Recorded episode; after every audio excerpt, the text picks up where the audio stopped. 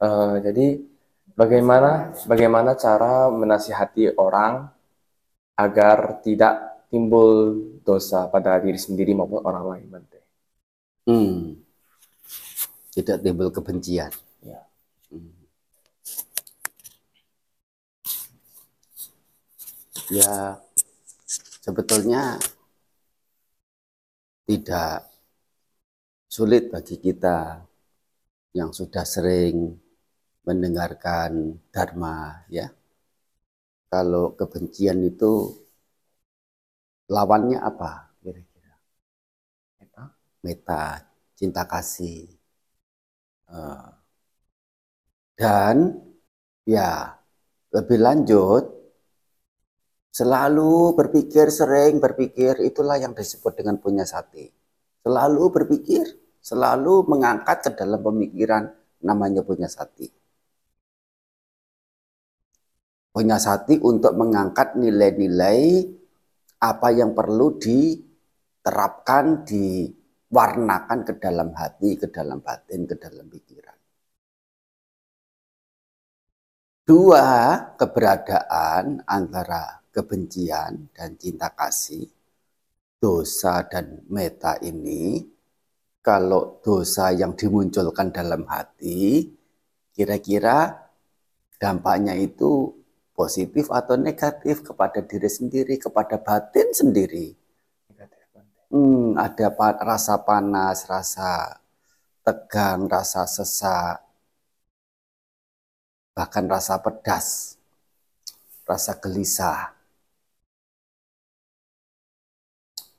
Apa namanya, wajahnya pun juga jadi wajah buruk. Tutur katanya pun juga menjadi tutur kata buruk termasuk tutur kata yang ketus, tutur kata yang apa e, nama lain ketus apa ya? Judes bahasa Jawanya. nah, kata-kata yang sifatnya itu pedas juga. Saklak. Hmm. Mau bersikap pun sikap yang kasar dan cenderung untuk memutuskan sesuatu yang sesungguhnya merugikan diri sendiri dan merugikan bagi kebersamaan. Itu kalau dasarnya itu adalah dosa atau kebencian. Sehingga patut untuk ditumbuh kembangkan ke dalam diri sering-sering supaya terbiasa, supaya siap pakai, untuk jauhkan diri dari dosa kebencian. Sisi lain, kalau meta cinta kasih yang dikembangkan, selain hati nyaman, tentram, damai, sejuk, ya wajah juga jadi ceria. Tutur kata jadi manis. Sikap sikap tindak tanduk jadi halus uh, menyenangkan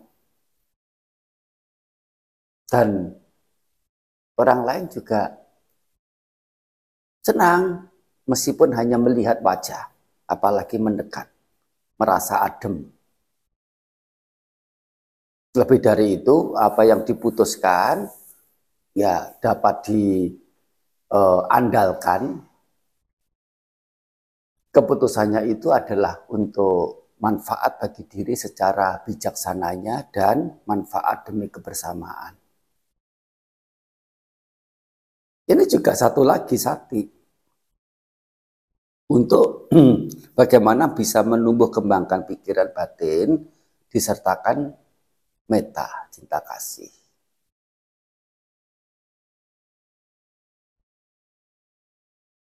Jadi dari pengertian ini kita sudah mesti jelas dengan diri sendiri, dengan dasar pemikiran, dengan dasar dengan latar belakang apa kita bersikap terhadap orang lain. Even itu sebatas berpikir terhadap mereka. Apalagi sampai bertutur kata, bersikap terhadap mereka. Soalnya itu memberikan dampak yang langsung baik saat ini maupun ke depan. Sehingga eh, terkait dengan kita berada di tengah-tengah orang lain adalah orang yang uh, menyenangkan dan tidak menyenangkan bagi kita, itu adalah hal yang wajar. Persepsi orang yang awam biasa, menyenangi tidak menyenangi itu kan itu wajar. Atau mengetahui sesuatu setidaknya mengetahui sesuatu yang menyenangkan yang menyakitkan itu kan wajar. Termasuk tidak menyenangkan dari sisi dipandang dari sisi nilai baciknya nilai bijaknya. Oh dia buat buruk. Dia buat yang tidak terpuji. Aku nggak suka dia nggak sukanya itu karena punya prinsip yang baik Bukan nggak suka karena apa yang dia mau dengan keserakahan dia, kemudian diserobot oleh orang lain. Ini juga menimbulkan ketidaksukaan, kebencian. Nah itu dua hal yang berbeda. Ketidaksukaan itu bisa muncul dari dari hati yang baik juga dari prinsip-prinsip yang baik, melihat orang lain yang dicintai melakukan hal yang tidak sepatutnya, dia bisa merasa tidak suka terhadap orang itu. Artinya tidak suka itu tidak menginginkan orang itu berbuat seperti itu. Nah, bagaimana adalah yang utama di sini menjaga memastikan diri jika harus bertutur kata sesuatu, dasarnya itu sebatas eh, kata-kata uh, yang jelas dan halus, tetap disertai dengan meta, cinta kasih, pengharapan baik. Kata-kata yang mengandung kebenaran, kebaikan setidaknya. Dituturkan dengan berurut, dengan rapi, tidak kocar kacir. Dituturkan dengan kata-kata yang halus manis. Kalau bisa tidak terkesan mempersalahkan. Bahkan sebaliknya, kalau ada hal yang perlu diapresiasi, diapresiasi sekecil apa pun.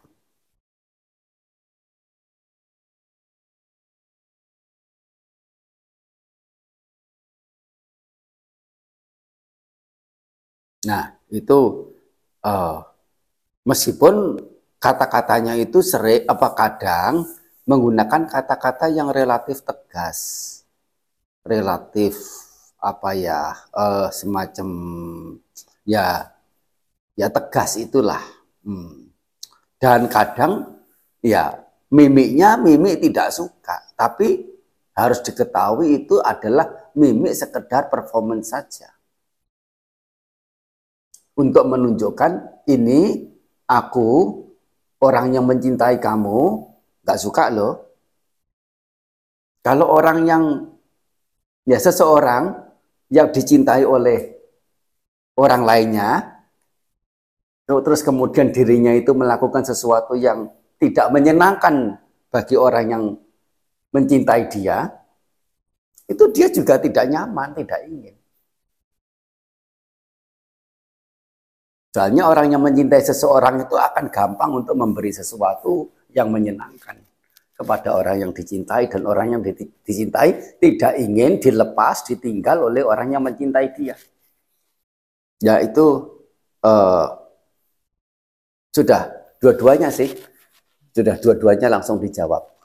Bagaimana eh, kata-kata uh, itu tidak membuat diri sendiri, ya tidak menimbulkan dosa pada diri sendiri tidak menimbulkan dosa pada diri sendiri tidak menimbulkan dosa bagi orang yang mendengar yaitu kalau disampaikan uh, yang tadi itu dengan cinta kasih dengan pengharapan baik ya dengan teratur uh, itu itu tidak memberikan dampak negatif pada diri sendiri.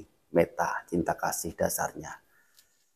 Hmm, dengan tutur kata yang yang sebisa mungkin itu tidak menyinggung, yang manis. Ya. Dan apa namanya uh, tidak menimbulkan dosa kebencian bagi pihak lain itu kalau menuturkannya itu ya tampak dengan hati yang dingin, hati dewasa, tidak ada dilihat kesan uh, semacam ada agenda di balik apa yang dia katakan. Ada agenda lain yang tersembunyi dengan kata-kata yang halus, yang menghargai. Terlebih kalau menyampaikannya itu sampai dia tidak sadar kalau sedang diberitahu. Hmm. Terlebih begitu. Gimana caranya? Cari sendiri. Tidak sulit soalnya, tapi perlu pelatihan. Tapi ya eh, berkaitan dengan berinteraksi dengan orang bagaimana itu kalau mau disambung-sambungkan ya apa namanya panjang ya panjang. Uh,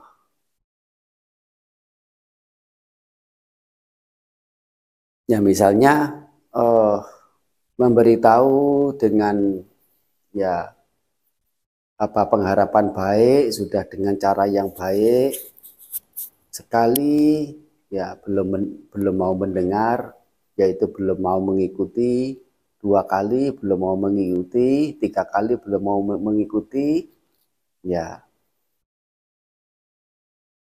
Bagaimana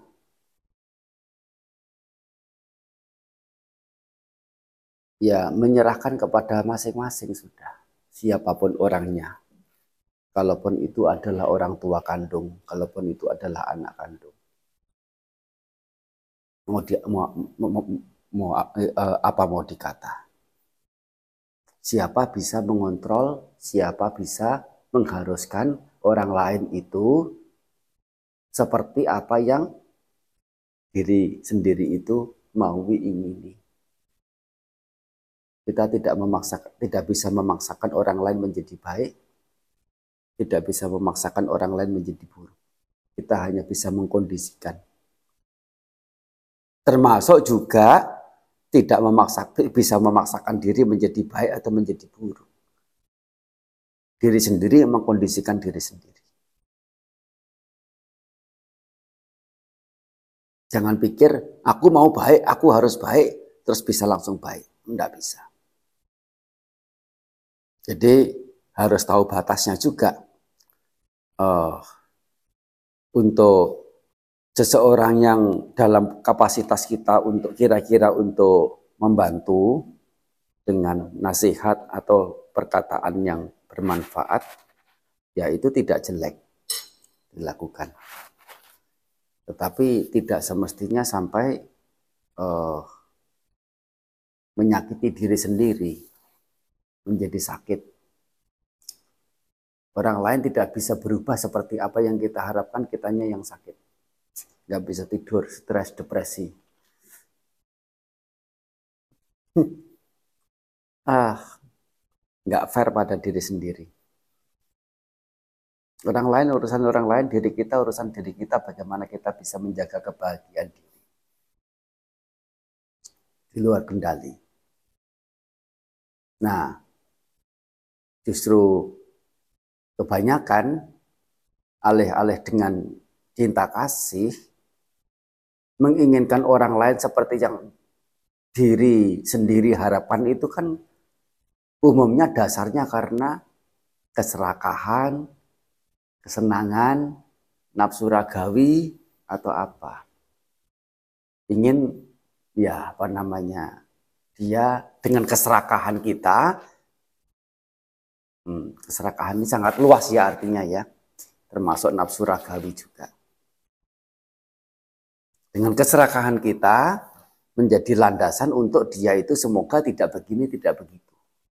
Nah itu yang akhirnya uh, punya risiko yang tinggi untuk ke uh, psikiater,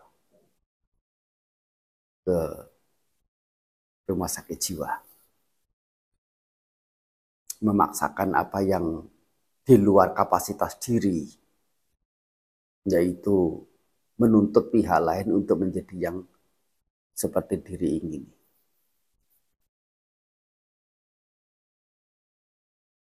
Ya itu tentu tidak bijaksana. UPK lah. Hmm, UPK, mengerti dunia. Masing-masing punya karmanya sendiri. Masing-masing punya kesenangannya sendiri. Aku punya kesenanganku sendiri, dia pun punya kesenangan dia sendiri gimana bisa apa namanya ini uh, memastikan orang bisa sesuai dengan apa yang kita mau. Cukup ya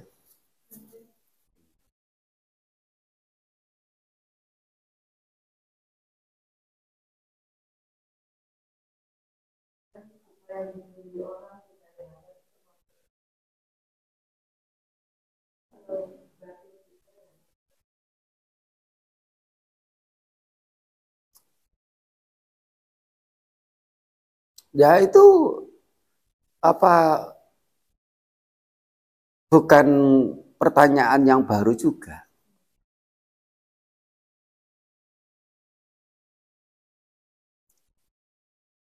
Apa pun yang tidak menyenangkan itu namanya penderitaan, entah apa pun bentuknya, karena dibully, karena disakiti, karena dikecewakan, karena apalah baik dengan hati baik mereka maupun dengan hati buruk mereka. Itu adalah hal yang tidak menyenangkan yaitu apa penderitaan. Kita patut mempersalahkan siapa tidak. Kalau kita mengerti karma, hukum karma. Ya. Kalau kita percaya hukum karma yaitu kebahagiaan datang dari dari dari ke, eh, kebaikan penderitaan datang dari keburukan dan itu bukan orang lain yang melakukan, kenapa harus mempersalahkan orang lain? Ini ngomong seolah-olah ketus ya, tapi ini dasarnya adalah ajaran Sang Buddha, karma yang tidak juga sudah sering disampaikan. Ya, jadi apa namanya hanya menandaskan saja menandaskan bahwa apa hal, hal apa pun yang tidak menyenangkan gitu ya. Ya, termasuk juga orang yang dinasehati dengan baik-baik bisa ditanggap, bisa menanggapi dengan sesuatu yang buruk seolah-olah dibully. Maksudnya juga mengingatkan. Tapi apa namanya karena ini sisi lain yang dimunculkan yaitu sisi yang cenderung untuk negatif ya merasa disakiti, merasa diejek, merasa di apa ya direndahkan dengan diberi kata-kata demikian yang sesungguhnya orang yang berkata demikian barangkali dengan hati yang ya pengharapan baik. Ya itu. Punya persepsi punya apa semacam asumsi yang mungkin cenderung negatif. Nah begitu juga uh, bisa jadi gitu loh Nah, jangankan yang begitu, yang nyata-nyata orang itu sengaja membuli, kita tidak punya alasan untuk membenci balik orang itu karena itu tidak logis sesuai dengan hukum karma dan akibat dari menanggapi dengan kebencian, mempersalahkan ini itu orang lain, menyalahkan orang lain, dampak ke hati sendiri juga negatif. Hmm, begitu. Jadi apa namanya bersikap secara bijak dengan teliti. Orang berbicara kepada kita bukan kata-kata kadang-kadang sering bukan kata-kata apa yang tampak terdengar menyakitkan atau menyenangkan, tetapi jauh di balik itu adalah mencermati kira-kira dengan niatan apa ya. Dia itu berkata demikian kepadaku.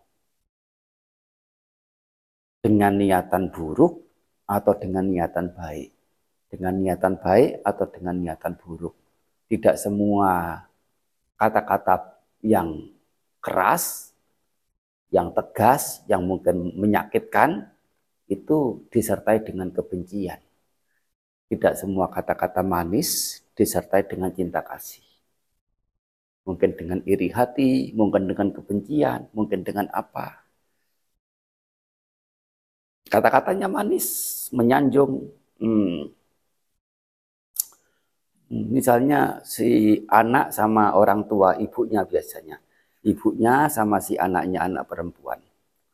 Kalau sedang apa namanya ngerjai calon iparnya, ya jadi abangnya punya istri, eh, eh, punya pacar gitu. Nah, atau mungkin yang sudah jadi istri abangnya, nah begitu.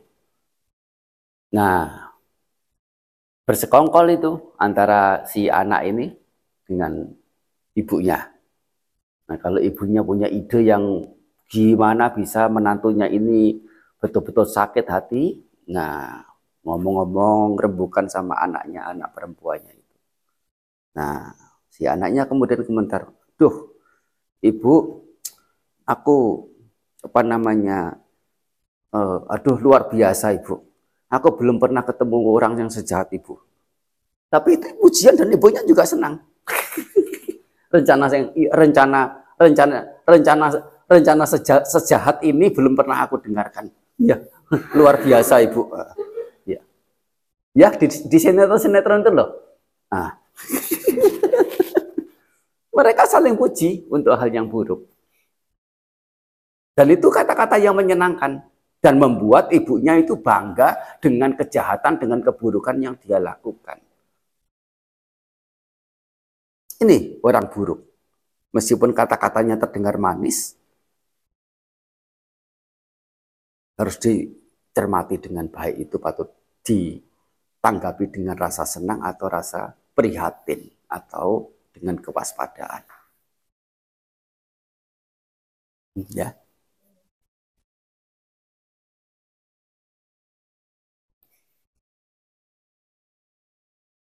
Sapitio vivacantus